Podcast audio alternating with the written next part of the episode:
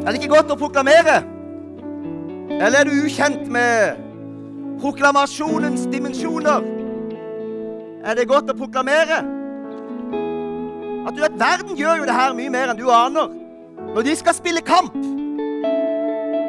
så samler man seg sammen, og så har man heiarop.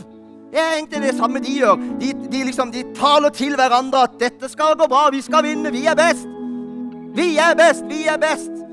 Og det trenger ikke vi å gjøre på, på menneskelig vis. Vi trenger ikke bruke psykologiske eller menneskelige triks for å liksom komme litt ovenpå få litt tro på oss sjøl. Nei, vi har en kilde som overgår alt det der av heiarop i det menneskelige. Vi kan bare proklamere hans seier. For det er jo ikke engang vi som skal gjøre det. Det er han som skal gjøre det. To helt forskjellige verdener. Så lær deg å bli, bli vant til å proklamere. Lær deg å bli vant til å tale ut hans seier på vanskelige områder i ditt eget liv. Og der du har mista troa på at det der kommer jeg aldri til å seire over Når jeg kjempa med disse lystene, når jeg kjempa med disse trangene og tilbøyeligheten og avhengigheten i årevis Begynn å tale ut Guds seier inn i ditt eget liv over de områder som binder deg. Det er ingen trylleformular, men du verden, altså. Det fins en kraft der. Amen. Er du klar? Jeg har hengt altfor mye på hjertet i dag, og altfor mange ark. Det er dumt å si nå, for da tenkte du ja, men da legger jeg meg bare til å sove med en gang. Men eh, gjør ikke det, er du snill. Jeg var hjemme på lista i jula. Står selvfølgelig ikke på manus. Det gjorde ingenting av det jeg sa. Jeg er blitt vant til å leve med akkurat det. Det går bra. Men jeg var hjemme på lista i jula, og så blant mine mange søstre Syv søstre. Og så meg, da. Stakkar. Syv søstre med. Ingen brødre. Så var det ei der, ei av de syv som uh, har en eller annen prolaps i ryggen. Og vært mye plagd med det. Litt sykmeldt i perioder. Og alle som sliter med sånne ting, Miriam bl.a., vet hvordan det er når ryggen, ryggen låser seg. Da er du nesten da er du stiv som en stokk. Og Remi vet mye om det. Han er blitt helbreda nå. Halleluja. Men han vet hvordan det er når du, når du nesten bare må ligge strak ut som en pinne. Kan ikke bevege deg. Sånn hadde hodet i perioder. Og sist jeg var hjemme, eller i, fjor sommer, så opplevde hun akkurat det samme mens vi var sammen. Vi hadde vært på en fjelltur ennå. Og så kjente jeg inni meg at å, nå skulle jeg jo bare Av og til får vi den troen som kommer over oss. Kjente jeg inni meg at nå skulle jeg egentlig bare lagt hendene på det. Og Vi har jo snakka så opp og ned i mente om tro, og hun er ingen bekjennende kristen. Eh, og så fikk jeg ikke gjort det. Og så gjorde jeg det bare inni meg. Så ba jeg for, meg inni, ba jeg for henne inni meg. Og så reiste jeg hjem til mine foreldre, og så gikk det veldig kort tid. Så kom hun plutselig. Det var rart, sa hun. Jeg tok en tablett, da, det gjorde jeg, men det pleier ikke å virke sånn, sa hun. Jeg kom, og så plutselig så er jeg så god. Og da burde jeg iallfall ha sagt ja, men vet du hva jeg gjorde? Jeg gjorde ikke det engang. Jeg tenkte ja, ja, jeg kan jo ikke vite om det var det eller det. Så svake kan vi være. Så jeg sa ingenting. Jeg verken ba for høyt eller jeg sa noe etterpå nåde var mitt liv, altså. Så når jeg var hjemme nå, og vi var, feirte nyttårsaften, og igjen så ble hun dårlig og måtte stå oppe mens vi spilte brettspill med ungene, så tenkte jeg nå kjente jeg det samme. Får jeg lagt hendene på deg nå, så blir du helbreda. Der var barn, og der var eh, familie og unger og selskap og kristne og ikke-kristne. Det er ikke så lett å finne anledning. Og det er ofte det verste. Det er de næreste familien. Det er det verste. Selv om hun er den jeg har prata mest med. Men når langt utpå natta og da mener jeg langt ut på natta, det var vel nesten morgenkvist, når ungene endelig hadde lagt seg, og alle sånn, vi satt og prata alene, plutselig så bare reiser jeg meg opp. Jeg vet ikke hvor du kom ifra, for da var det nok. Så sa jeg, 'Men du, søster, kom her', sier jeg. 'Skal jeg bare legge hendene på deg nå?' 'Ta ut legedom, så kommer du til å bli frisk.' og hun ble vel, Jeg var så rask, vet du. Bare sprang opp og tjo, heim over. Så hun fikk jo ikke sukk for seg. Så gjorde jeg det. Tre sekunder tok det. Så gikk jeg satt meg. 'Nå er det bra', sa jeg. Det hender det kommer sånt over en. Det er ikke noe jeg går rundt og gjør sånn ellers, men det kommer over en. Så, så hun ble altså så sjokkert. Så så Hæ?! Så gjorde hun sånn, vet du. Nei, du tuller med meg, sier hun. Nei, det er bare noe jeg tror. Nei, nå, nå driver du og Nå er det bare, nå er det bare noe jeg innbiller meg. Ja, men gjør noe du ikke kunne gjøre før, da. Hun bøyde seg opp og ned og Ja, dans, da. Ja, hun begynte å danse. Nei, det går ikke an, sa hun. Hun sto sånn. Det går ikke an, sa hun! Jo, det er jo det vi holder på med. Det er jo det jeg har snakka med alle år. sa jeg til henne. Det er jo det vi har opplevd både hjemme og ikke minst på kampanjer. Hundrevis av mennesker helbreda. Sånn. Hun var sjokkert. Det er sånne øyeblikk. Jeg går ikke rundt sånn overalt til alt og enhver. Jeg gjør ikke det. Det gjorde ikke disiplene heller. Altså, De vandra blant masse syke mennesker. Og du kan, du kan jo bli helt vill hvis det bare går inn i et sykehus og du skal be for alle. Automatisk så blir det jo veldig strevsomt å leve sånn. Men det er noe med når ånden kommer over det, og du kjenner tiltalen. Og du kjenner at nå er det helligåndsøyeblikket der, av tro. Så handler du. Og Da ser vi veldig ofte da skjer det noe. Det skjer oftere når man opplever det sånn. Selv blant ufrelste, for min del. Til og med når en del kommer og spør om å, bli, om å få forbønn. Det burde jeg ikke si, men det er av og til sånn. For da er det noe som du får en overbevisning om der og da. Og da trenger du ikke be engang. Du kan bare legge hendene på, og du kan bare proklamere. Så forløses noe. Men nok om det. Nå har jeg prata meg vekk allerede. Hva i all verden? Ja, det er greit, det. Det er greit. Da må jeg holde det her en annen gang. Men dette er noe jeg har fått, skjønner du, så det er egentlig veldig viktig. Får jeg lov å være direkte med deg i kveld og utfordre deg litt? Jeg syns og opplever at vi lever i Tilgi meg når jeg sier nærmest sykelige tider i forhold til selvpromotering, selvopptatthet. Media er full av det. Alle vil være stjerner i eget realityshow. Og Internett har lagt til rette for det. Derfor sitter det masse mennesker på en måte, hjemme, ungdommer og alt mulig, hjemme i sin egen stue lørdagskveld uten å være sammen med noen andre og kjøre livestreaminger. Snakk til meg der, snakk til meg da. Trykk på like, trykk på like. Har dere sett det? Det er jo stusslig.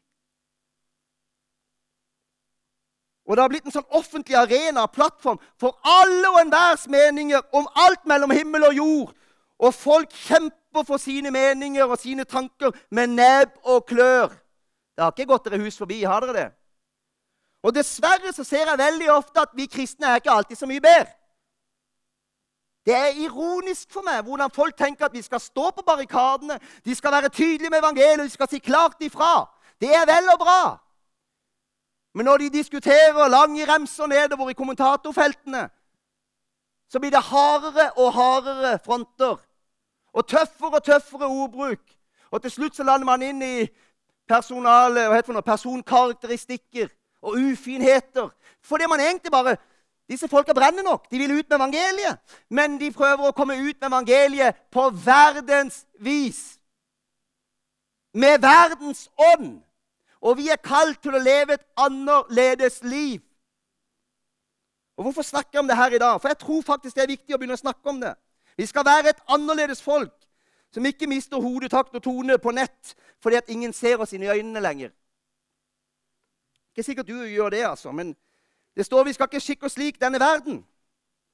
Og så lett det er for mange å tenke at ja, men det handler om at ja, men jeg, jeg røyker jo ikke, og jeg drikker jo ikke, og lyver bare en sjelden gang iallfall. Det er bare en hvit løgn. Og da er alt i orden. Da er, vi, da er vi ikke lik verden. Tro meg, verden preger oss langt mer enn det vi tror. Selv om du holder deg borte fra visse synder du tenker at det gjør iallfall ikke Nei, men du gjør fryktelig mye annet som verden gjør. For vi suges inn i denne verden.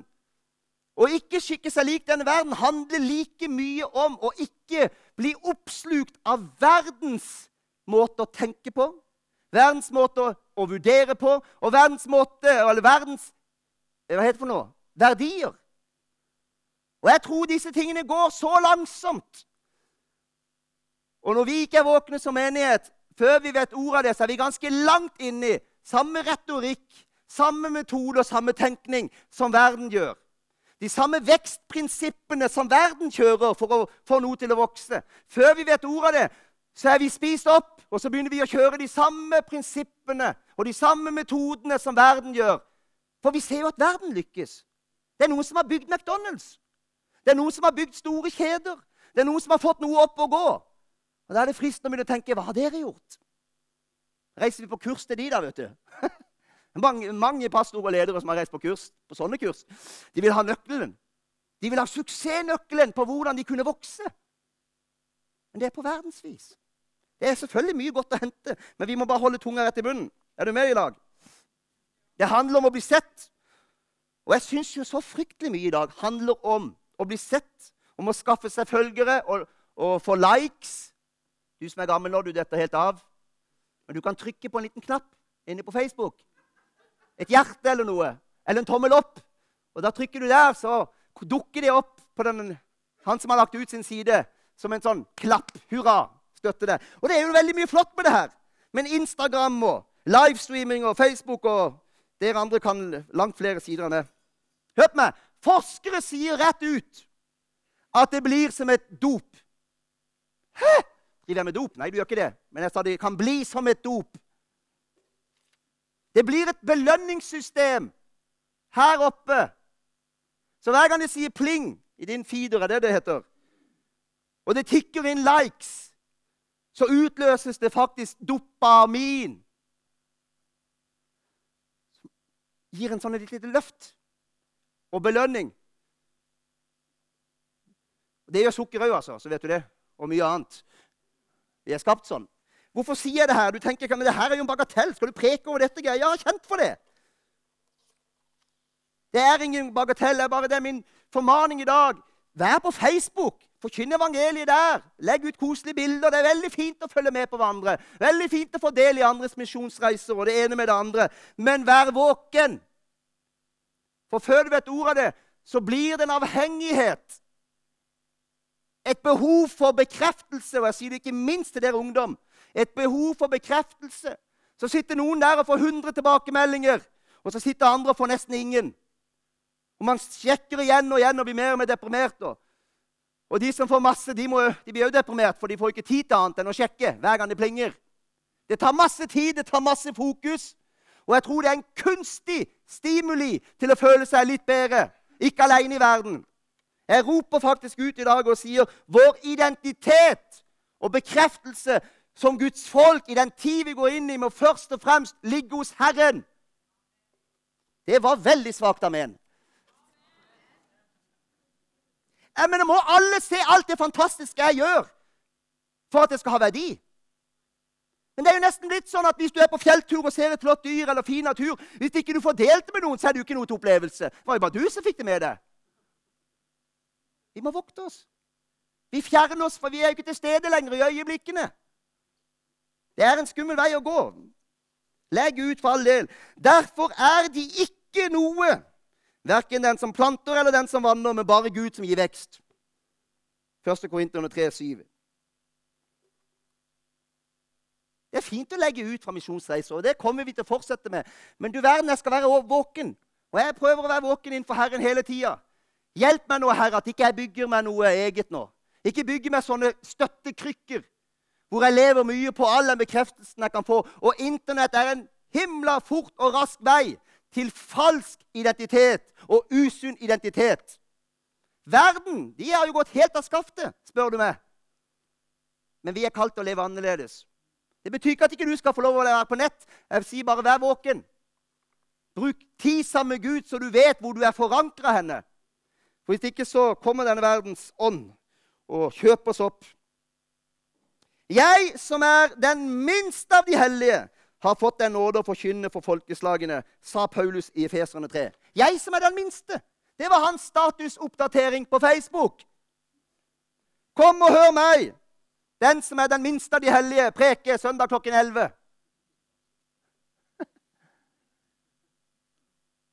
Du skjønner, Vi lever i det spennet av modernisme hvor vi på den ene sida vi, vi, vil jo nå ut. Folk må jo vite om oss. Vi må jo bruke sosiale medier. Jeg er ikke imot det. Vi må jo på en måte reklamere. Vi må jo liksom la det være tiltrekkende, det vi holder på med. Som Paulus, samtidig som Paulus sier vi vil ikke anbefale oss sjøl. Jeg kan ikke skryte av meg selv, sier han. Så vi står i spennet mellom at vi ønsker å nå ut med all infoen og alt det gode og alt vi får til, for å invitere folk.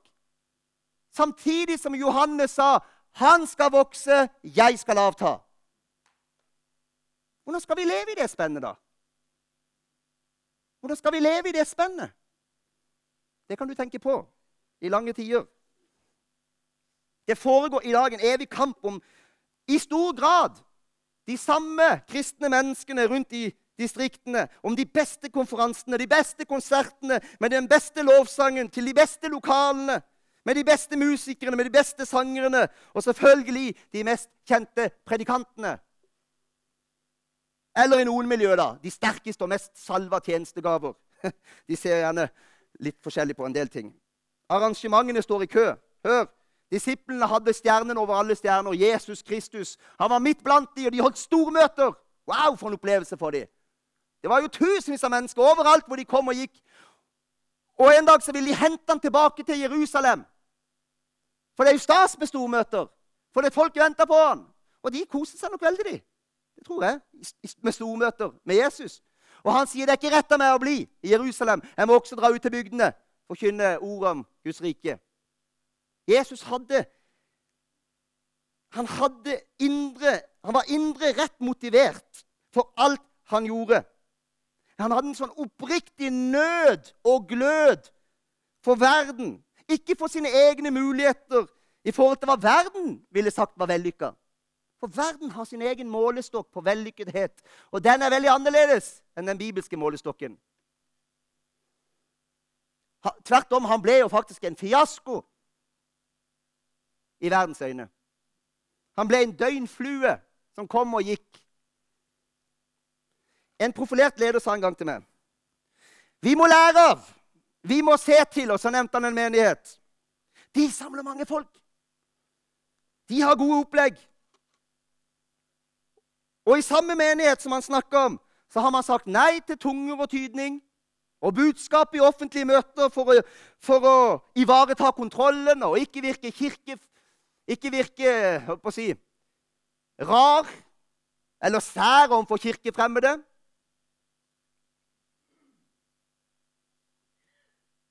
Hvorfor skal jeg da se til de? Fordi om de er flere enn oss. Jeg ser, Det er ikke mitt ideal. Det er noe annet jeg ser etter. Er mengde synonymt med sannhet? Men veldig ofte ikke. Mengde er ikke alltid synonymt med sannhet. Guds menighet må vokte seg for å bli en salgsvare. Med tilrettelegging, riktig tilrettelegging, med riktig markedsføring, med riktige strategier, med kjøp og salg og karrierer. Reis til Amerika, så vil du se det her mye mer. Og karrieremuligheter. Guds menighet blir en salgsvare. Og samtidig som vi fyller opp stadioner og kjempestore menigheter, så roper folk og sier 'Hvor er vekkelsen?'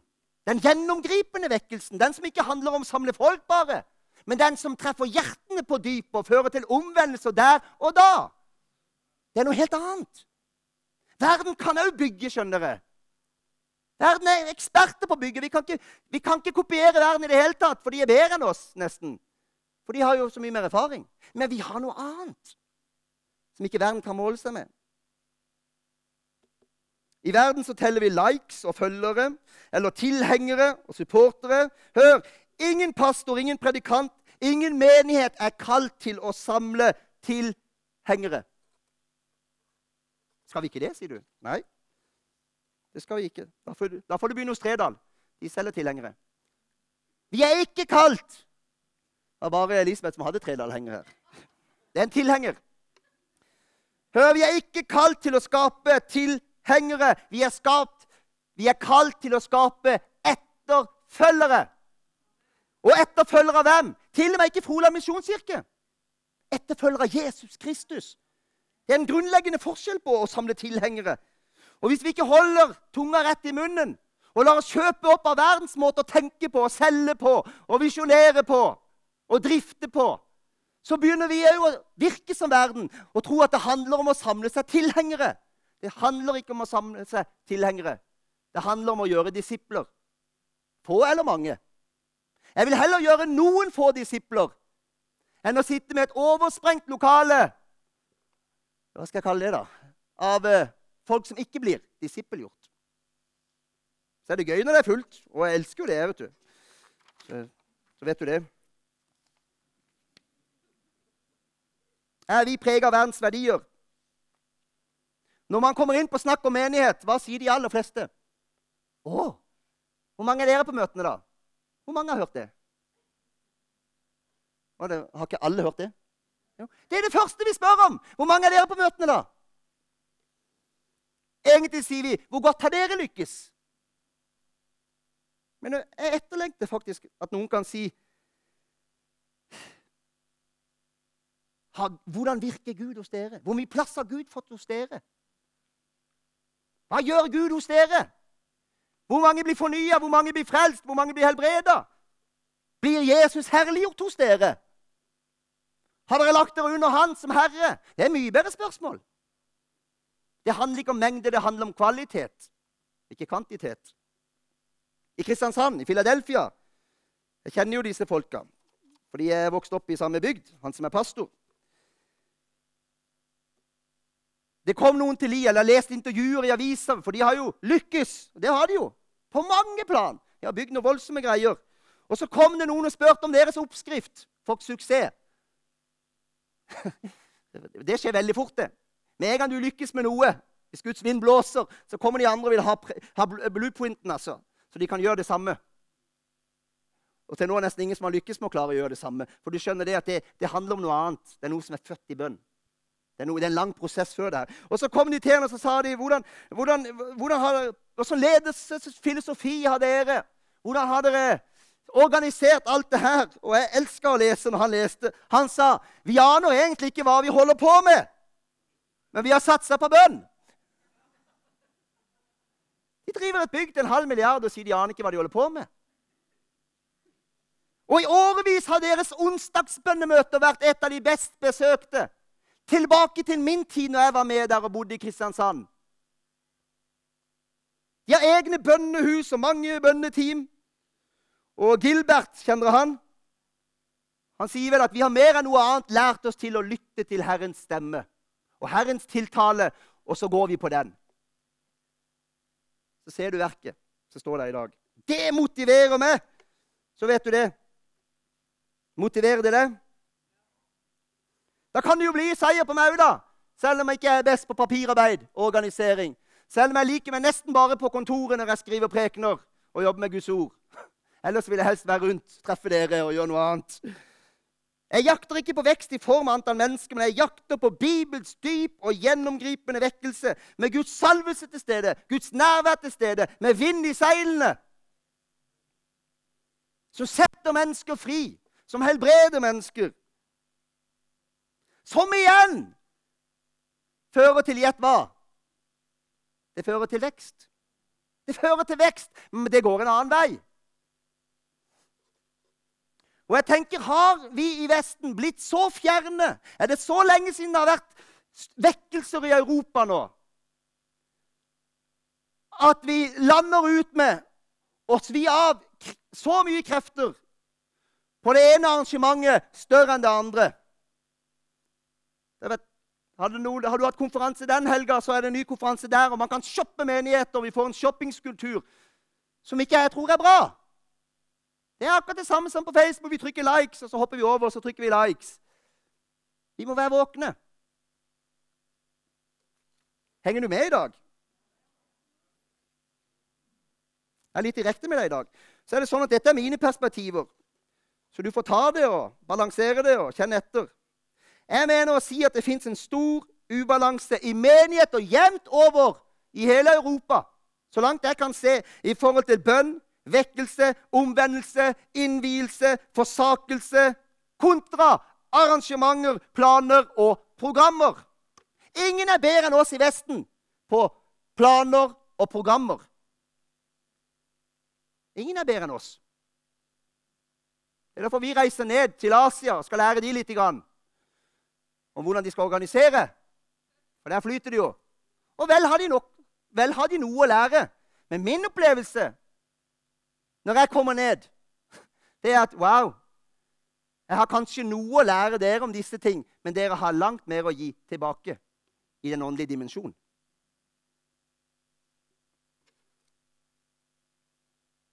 Så når man bare har hatt et jevnt og godt arbeidsår, er det ikke det vi skriver i årsrapportene? Jevnt og godt arbeidsår virker.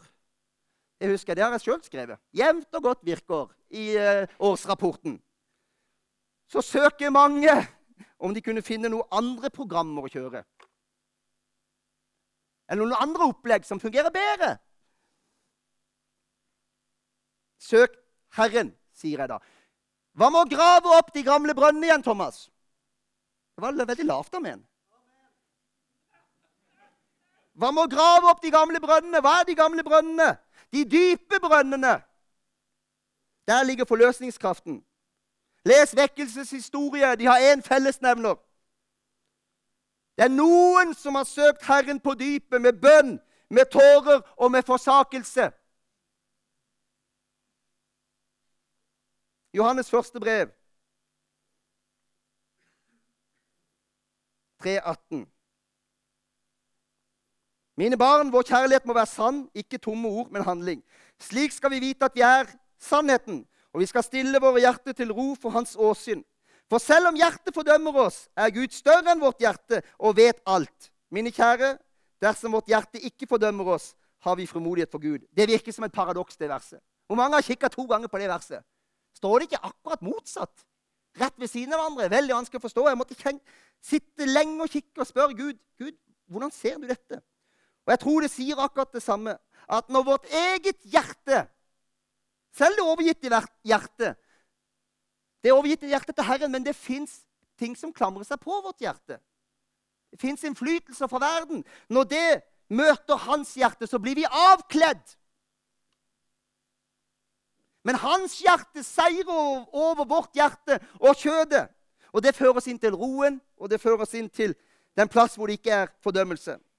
Vekkelsen lyser opp Guds herlighet. Ja, det lyser opp Guds kjærlighet til deg. Men hvis vi stopper der, så går vi glipp av noe. For det lyser også opp i mitt indre. Og det belyser ting som ikke kan være der, og ikke skal være der, og ting som må tas et oppgjør med. Så vekkelse er ikke alltid bare salig, gode følelser, det er ikke alltid bare på en måte å bli overstrømt av kjærlighet. Det er nummer én. Men det gjør også noe vondt. Det er bare å lese historie om de som har stått i vekkelse.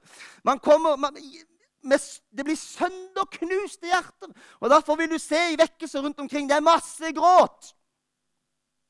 Det er masse hulk og nærmest hyl. Fordi at når mennesker møter den levende Gud, den sanne Gud, hellig og feilfri, så blir de avkledd så møter vi oss sjøl. Og så kommer vi egentlig, så møter vi vår egen stolthet. Når vi kommer inn for det hellige og inn for salvelsen, så får man et møte med seg sjøl som sier 'oi'. Det blir så synlig. Gud. Tenk alt jeg har trodd jeg skulle få til.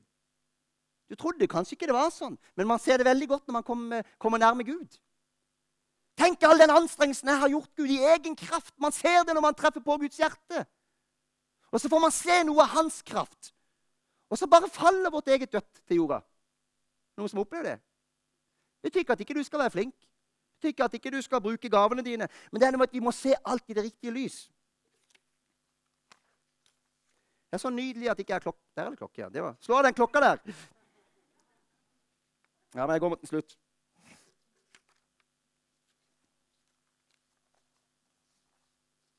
Hør det er noe med de gamle brønner. La oss få tak i nøden, den dype lengselen etter Gud. Skal vi det? Forståelsen av egen utilstrekkelighet på en sånn måte at vi blir totalt avhengige av Han. På en sånn måte at vi tør iallfall ikke noe annet enn å søke Gud før vi gjør noe som helst. Var det lovisk, sier du? Det er ikke lovisk, det er veldig bibelsk. Det forteller noe om hva du har skjønt om deg sjøl og han. Hvem som skal sitte ved roret, hvem som skal virke, og hvem som skal gjøre det. Det er derfor Kirsten kan reise. Hun bare har gitt det til Gud. Hun vet det handler ikke om henne. Seeker-friendly møter, har dere hørt om det? Det kommer sterkere og sterkere og foregår mye av. Hør, om man kombinerer egentlig en verdslig ledelsesfilosofi, strategier og diverse opplegg med en forkynnelse som sier 'du er du, og du duger', så blir det virkelig blodfattig. Hørte du det? Og jeg mener jeg har sett mye rundt omkring i verden i dag, og på nett ikke minst. Selv pinsekaras, pinsekarismat, pinsekarismatiske Selv de, for å si det sånn, da, moderne menigheter som tar bort nådegavebruk i offentlige møter for å tilnærme seg de ufrelste og fremstår som relevante, moderne og normale. Hva er normalt, da? Er det ikke vi som er normale? Vi som er kobla på Han som har skapt oss? Samtidig som forkynnelsen i hovedsak handler om slapp av, ha tro på deg sjøl, tenk positivt, Jesus elsker deg. Jeg setter litt på spissen, men det er sant. Se på nett hvor mye av dette som finnes. Og det er liksom det vi står igjen med av evangelium. Ha tro på deg sjøl, tenk positivt, husk at Jesus elsker deg. Sett det på spissen. Og så spør vi etter vekkelsen. Og jeg mener og jeg mener ikke å sitte med hele fasit, men jeg kjenner det i mitt hjerte. Det fins noen gamle stier å gå opp igjen. Det fins noen gamle brønner å grave opp igjen. Og jeg tror noen må gå den veien, for det går veldig mange alle andre veier. Det er ikke til å komme ifra at det fins et samspill mellom Gud og oss. En sa Gud elsker oss slik vi er, men han elsker oss for høyt til å la oss forbli slik vi er. Hørte du det? Denne dimensjonen må vi ha med. Hvis ikke så står vi med spadene våre og graver i overflaten. Vi må ned til de dype brønner. Og Der fins det et samspill mellom Gud og mennesker. Det fins i Guds ord, og det er ikke til å komme fra. Det fins både krav, påbud, forventninger og konsekvenser. Der ble det stille. Da har jeg skrevet i parentes menigheten sitter dødsstille i skrekk.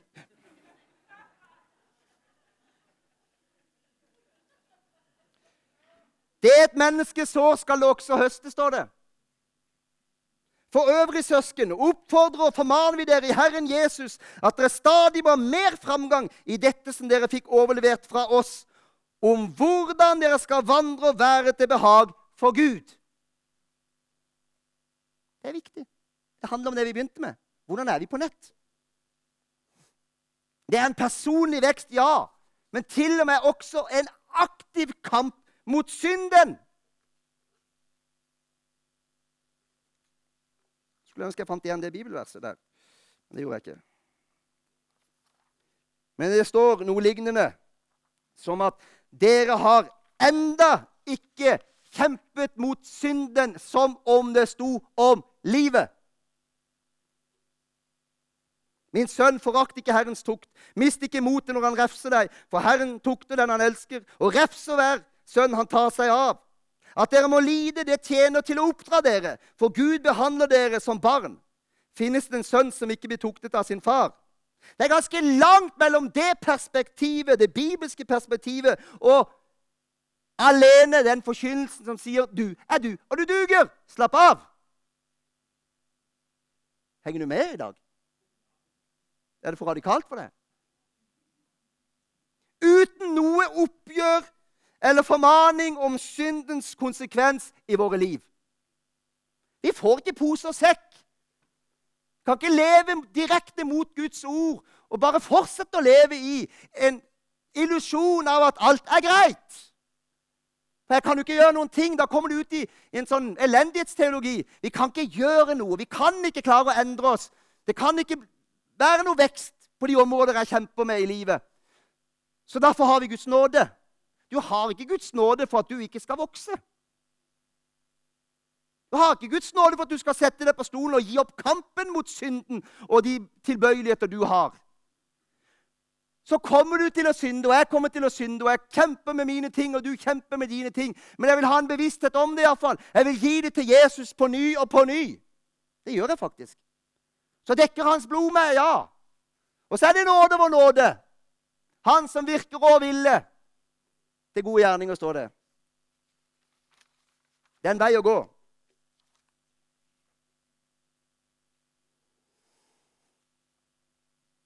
Det fins ingen raske, enkle organisatoriske grep som kan bringe inn Guds vekkelse. Åndsutgytelse, vekkelse og overnaturlig liv det fødes fram i bønn og overgivelse. Kan jeg få et amen, Øystein? Du har vært med på bønnuka hele uka nå. Det fødes fram i tro og tillit, forsakelse og nød. Du får ikke både pose og sekk. Ja, du får alt jeg sa nå. Men kanskje om vi synger på samme måte som de gjør i Hilsong, da. For de har jo lykkes, så vil vi lykkes. Om vi kjører samme konseptene som megakirkene i Amerika, da blir vi mange. Det fins ingen snarvei, sier jeg. Du trenger ikke være enig med meg, men jeg sier det likevel. I mitt hode og i mitt hjerte fins det ingen snarvei.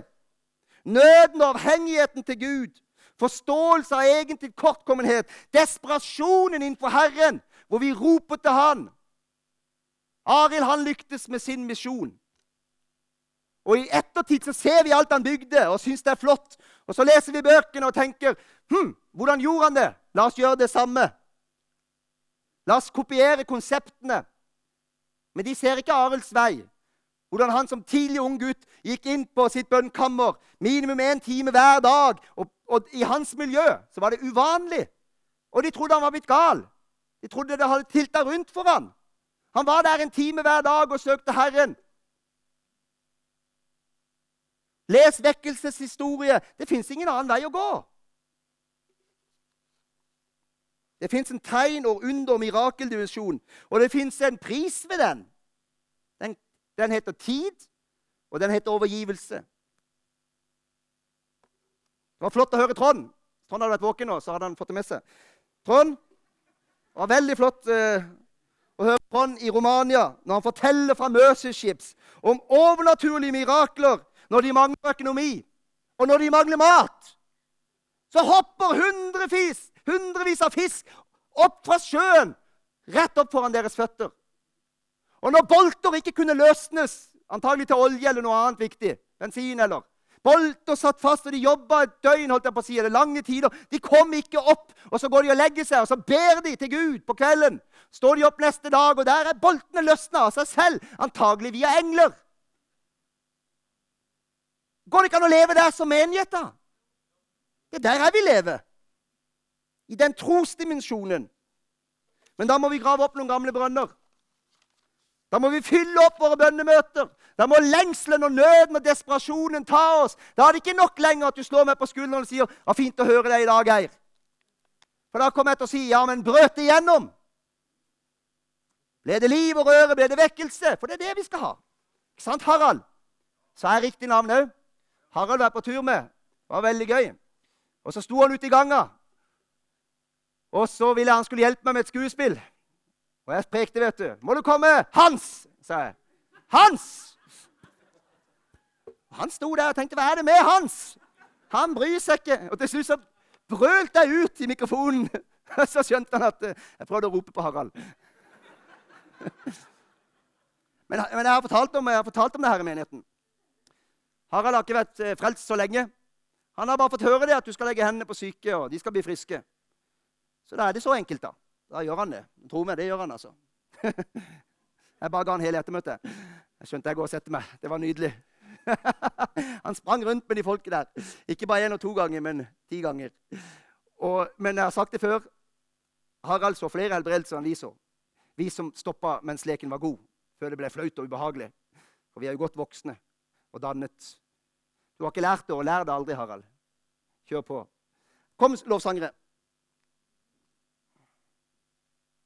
Er klokka rett, eller har du stoppa den?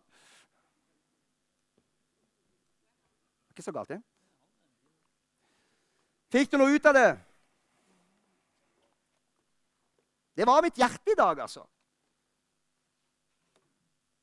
Det var mitt hjerte. Og så er det mer enn det, for det er også min overbevisning, og det er mitt perspektiv. Og jeg sier ikke at jeg sitter med sannheten for alt og alle. Du skal forsøke Gud. Kjenne hva, hvordan tenker du. Og ha tiltro til det. Men det er iallfall mitt hjerte. Så kjenner du litt av mitt hjerte. Så vet du litt hva jeg drømmer om, og hva jeg ser for meg, og hvilken vei som jeg iallfall vil gå. Så må ikke alle gå den veien. Vi har forskjellige kall, og vi kan ha forskjellige perspektiver. Jeg prøver ikke å rive ned min egen tale i det hele tatt. Men vi må ha både den rausheten og vi må ha den respekten for hverandre. At vi både ser litt forskjellig på en del ting, og vi går på litt forskjellige veier i forhold til hvordan vi vil nå inn hos mennesker. Det er helt greit. Men nå delte jeg iallfall mitt hjerte. Og hvis du kjente at det traff ditt hjerte, så er det flott. Skal du ta imot det? Skal vi gå inn i litt lovsang på slutten? Og så åpner vi opp. Du som kjenner at jeg må komme på dette sporet. Jeg vil inn i denne bønnen og proklamasjonens verden. Jeg trenger å se mer, jeg trenger å erfare mer. Jeg vil tørre å leve sterkere og mer i tro. Så tror jeg faktisk på at det fins en forløsning i forbønn. Skal vi reise oss opp?